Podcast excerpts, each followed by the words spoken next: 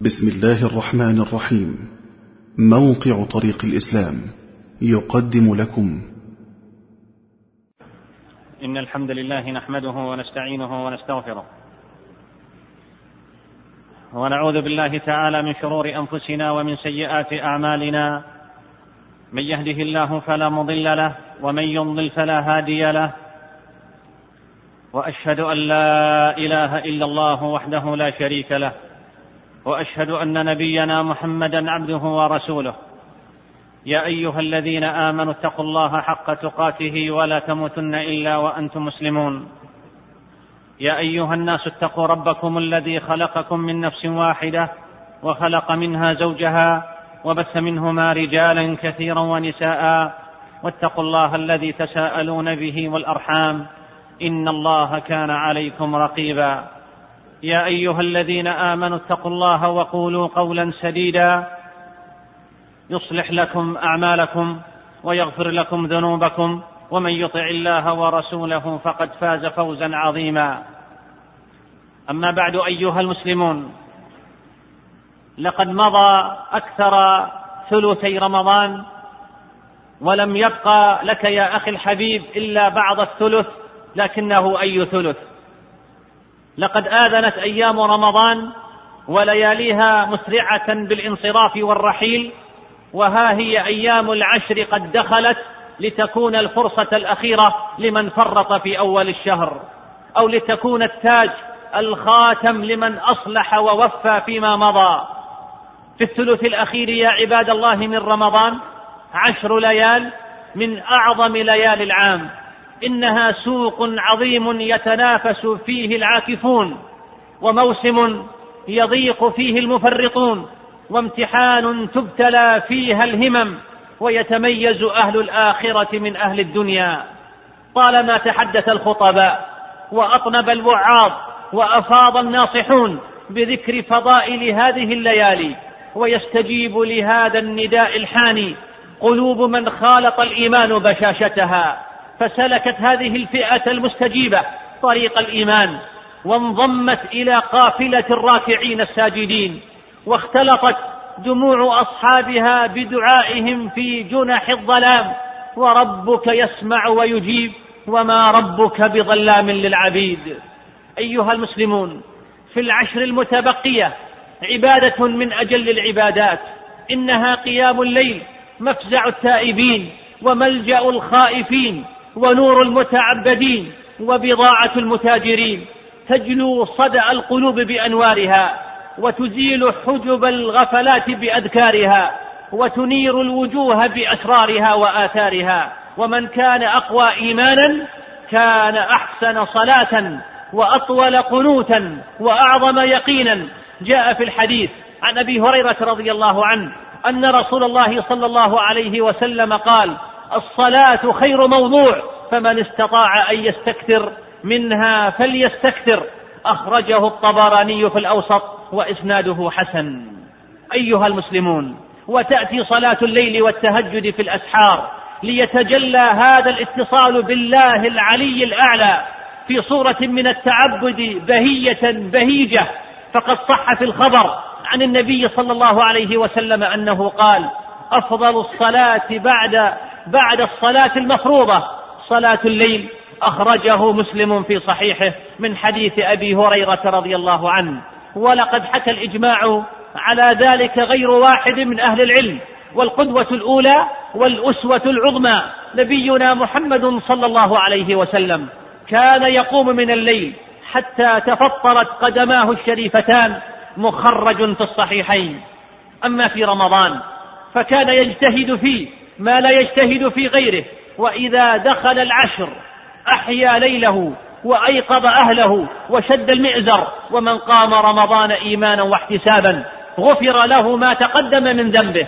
اعلم يا أخي الحبيب أن الله جل وتعالى ينزل إلى السماء الدنيا في كل ليلة حين يبقى ثلث الليل فيقول أنا الملك من الذي يدعوني فأستجيب له؟ من الذي يسألني فأعطيه؟ من الذي يستغفرني فأغفر له.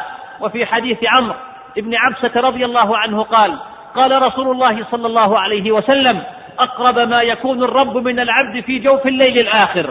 فإن استطعت أن تكون ممن يذكر الله في تلك الساعة فكن.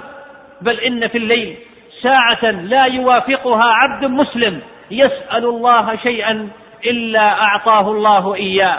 وذلك في كل ليلة. في صلاة الليل يحيا بها بإذن الله ميت القلب وتشحذ بها فاتر الهمم قربة إلى الله منهاة عن الإثم وتكفير للسيئات مطردة للداء عن الجسد وفي الحديث عليكم بقيام الليل فإنه دأب الصالحين قبلكم يقول ابن عباس رضي الله عنهما من أحب أن يهون الله عليه طول الوقوف يوم القيامة فليره الله في ظلمة الليل ساجدا وقائما يحذر الآخرة ويرجو رحمة ربه؟ إنهم عباد الرحمن يبيتون لربهم سجدا وقياما انتزعوا نفوسهم من وثير الفرش وهدوء المساكن وسكون الليل بل وسكون الكون. غالبوا هواتف النوم وآثروا الأنس بالله والرجاء في وعد الله والخوف من وعيده. أمن هو قانت آناء الليل ساجدا وقائما يحذر الآخرة ويرجو رحمة ربه. عباد لله قانتون متقون قليلا من الليل ما يهجعون وبالأسحار هم يستغفرون لصلاة الليل عندهم أسرارها وللأذكار في نفوسهم حلاوتها وللمناجاة عندهم لذتها. يقول أبو سليمان الداراني رحمه الله أهل الليل في ليلهم ألذ من أهل اللهو. في لهوهم ولولا الليل لما أحببت البقاء في الدنيا. ولما حضرت ابن عمر رضي الله عنهما الوفاة قال ما آتى على شيء من الدنيا إلا على ظمأ الهواجر ومكابدة الليل. قيام الليل عباد الله انقطاع عن صخب الحياة اتصال بالكريم الأكرم جل وعلا وتلقي فيوضه ومنحه والأنس به والتعرض لنفحاته والخلوة إليه عباد لله صالحون. تتجافى جنوبهم عن المضاجع يدعون ربهم خوفا وطمعا. ومما رزقناهم ينفقون فلا تعلم نفس ما أخفي لهم من قرة أعين جزاء بما كانوا يعملون. لقد تعددت مقاصدهم واختلفت مطالبهم وتنوعت غاياتهم.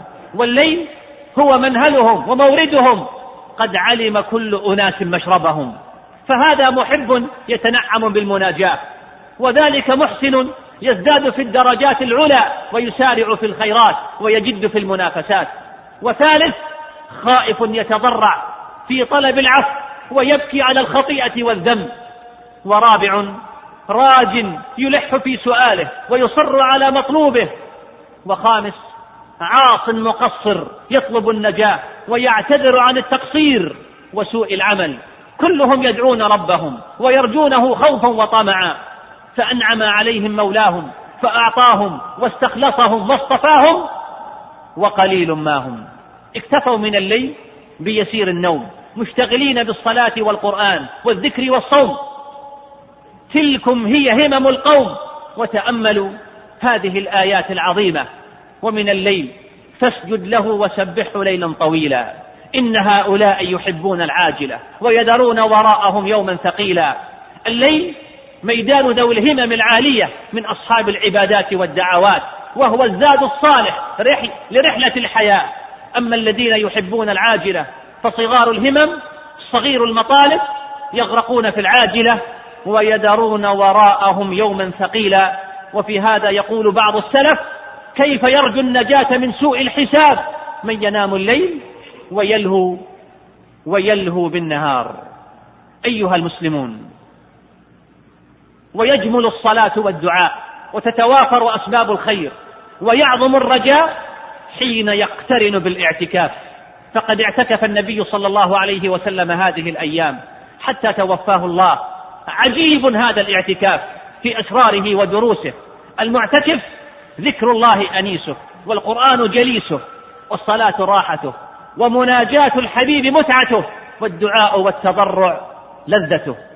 إذا آوى الناس إلى بيوتهم وأهليهم ورجعوا إلى أموالهم وأولادهم لازم هذا المعتكف بيت ربه وحبس من أجله نفسه يقف عند أعتابه يرجو رحمته ويخشى عذابه لا يطلق لسانه في لغو ولا يفتح عينه لفحش ولا تتنفط أذنه لبداء سلم من الغيبة والنميمة. جانب, جانب التنابز بالألقاب والقدح في الأعراض ومسارقة الطبع في الأخلاق الرديئة استغنى عن الناس وانقطع عن الأطماع. أيها المسلمون وإن من أعظم ما يرجى في هذه العشر ويتحرى ليلة القدر وما أدراك ما ليلة القدر. من قامها إيمانا واحتسابا غفر له ما تقدم من ذنبه. ليلة خير من ألف شهر. خفي تعيينها اختبارا وابتلاء ليتبين العاملون وينكشف المقصرون. فمن حرص على شيء جد في طلبه وهان عليه ما يلقى من عظيم تعبه إنها ليلة تجرى فيها أقلام القضاء بإسعاد السعداء وشقاء الأشقياء. فيها يفرق كل أمر حكيم ولا يهلك على الله إلا هالك. فاتقوا الله رحمكم الله واعملوا وجدوا وأبشروا وأملوا. أعوذ بالله من الشيطان الرجيم. بسم الله الرحمن الرحيم. إنا أنزلناه في ليلة القدر. وما أدراك ما ليلة القدر. ليلة القدر خير من ألف شهر. تنزل الملائكة والروح فيها بإذن ربهم من كل أمر. سلام هي حتى مطلع الفجر. نفعني الله وإياكم بهدي كتابه واتباع سنة نبينا محمد صلى الله عليه وسلم. أقول هذا القول وأستغفر الله لي ولكم فاستغفروه. إنه هو الغفور الرحيم. الحمد لله على إحسانه وأشكره على توفيقه وامتنانه وأشهد أن لا إله إلا الله وحده لا شريك له تعظيما لألوهيته وربوبيته وأسمائه وصفاته. وأشهد أن نبينا محمدا عبده ورسوله الداعي إلى جنته ورضوانه فصلوات ربي وسلامه عليه وعلى آله وعلى أصحابه وسلم تسليما مزيدا. أما بعد أيها المسلمون في كل يوم نودع حبيب ويرحل عنا قريب.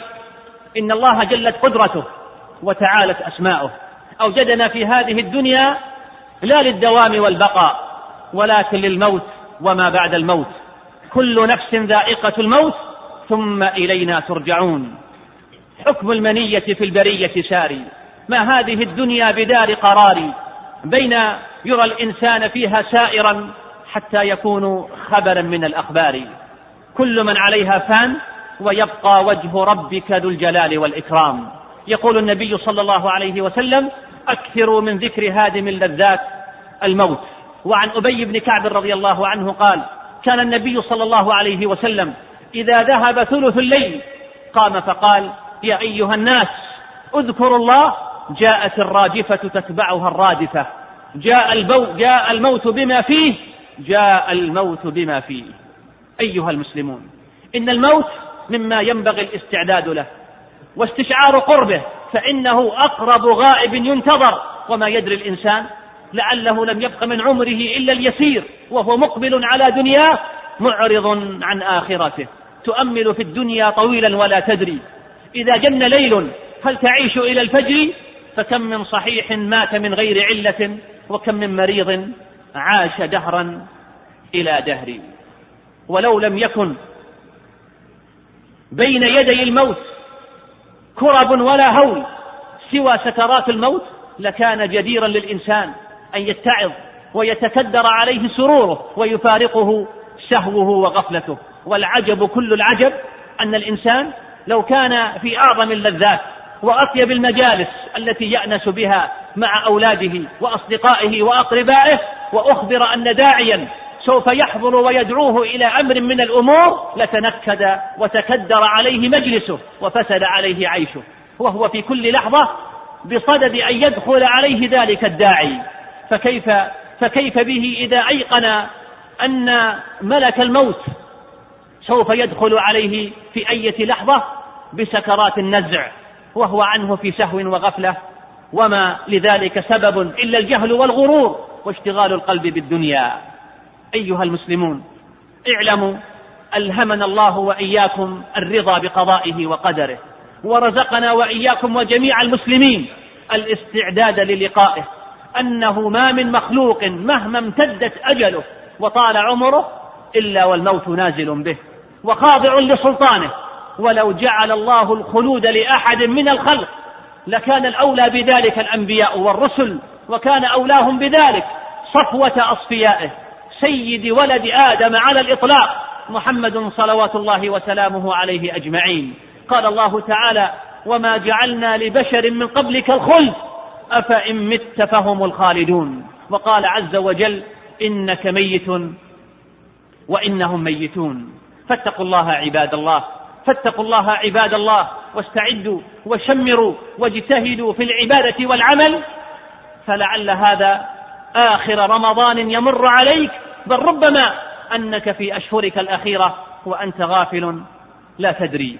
ربنا آتنا في الدنيا حسنة وفي الآخرة حسنة وقنا عذاب النار.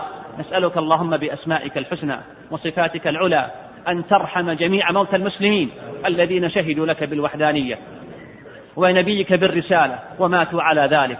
اللهم اغفر لهم وارحمهم وعافهم واعف عنهم وأكرم نزلهم ووسع مدخلهم واغسلهم بالماء والثلج والبرد ونقهم من الذنوب والخطايا كما ينقى الثوب الأبيض من الدنس. اللهم اغفر لآبائنا واغفر اللهم لأمهاتنا ولمن له حق علينا. اللهم اهدنا فيمن هديت وعافنا فيمن عافيت وتولنا فيمن توليت. اللهم صل على محمد وعلى آل محمد كما صليت على إبراهيم وعلى آل إبراهيم إنك حميد مجيد. اللهم بارك على محمد وعلى آل محمد كما باركت على إبراهيم وعلى آل إبراهيم في العالمين إنك حميد مجيد. وآخر دعوانا أن الحمد لله رب العالمين. مع تحيات إخوانكم في موقع طريق الإسلام. www.islamway.com والسلام عليكم ورحمه الله وبركاته